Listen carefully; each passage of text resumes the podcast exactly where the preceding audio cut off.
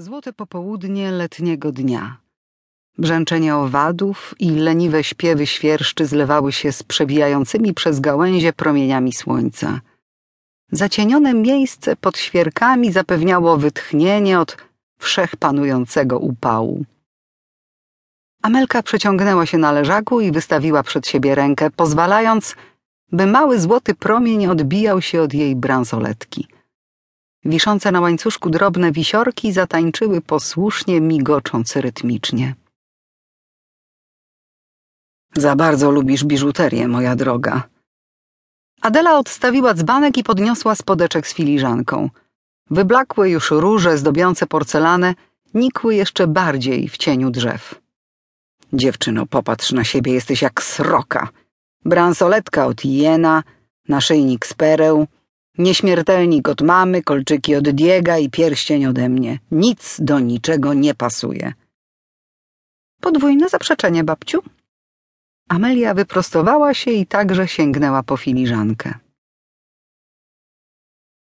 Leniwie machnęła ręką nad miseczką z konfiturami, by odgonić osę. A eklektyzm jest modny. Powinnaś pozbyć się przynajmniej jednej rzeczy. Może to coś pomoże. I nie mów mi, co jest modne, bo i tak powiem ci, że wszystko już takie było. Adela rozsiadła się wygodniej. Wyciągnęła przed siebie skrzyżowane nogi. Powinnaś ściągnąć wreszcie perły, wiesz o tym. Powiedziała z dezaprobatą, kręcąc głową i upiła łyk herbaty. Słońce odbijało się od lśniącego, nowego dachu Wolfensteinu. Z otwartego okna w pokoju Amelki wystawała biała firanka, delikatnie nadymając się jak żagiel. I kolczyki od Diega, zostaw je tutaj. Mama też tak uważa. Równowaga i umiar, moja droga. Dziewczyna odwróciła wzrok od śnieżno-białej elewacji domu. Popatrzyła na zacienioną linię drzew, gdzie zaczynał się las. Niewysoka sylwetka powoli wyłaniała się z pomiędzy pni, zdecydowanym krokiem wchodząc na polanę i kierując się w ich stronę. Amelia z westchnieniem wskazała trzecią filiżankę stojącą na stoliku i z ociąganiem wstała z leżaka. Mama idzie. Zaraz sama mi powie, co powinnam, co muszę i co wypada. Ruszyła w kierunku gościa. Martyna szła do niej zdecydowanym krokiem – już ją zobaczyła, pomachała w geście powitania. Mimo upału miała na sobie swój stary, długi, skórzany płaszcz. Uśmiechała się, patrząc na córkę. Tym lekko ironicznym skrzywieniem ust, przymrużonymi oczami. Słońce prześwietlało jej długie, czarne kosmyki tak, że zdawały się prawie kasztanowe, a miejscami prawie rude, czerwone.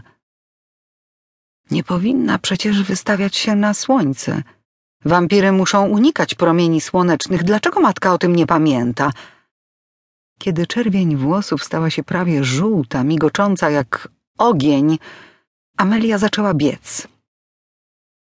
Martyna ze zdziwieniem podniosła rękę, zatrzymała się. Płomienie wokół jej głowy tańczyły gwałtownie, sięgając do brwi, nosa, ust.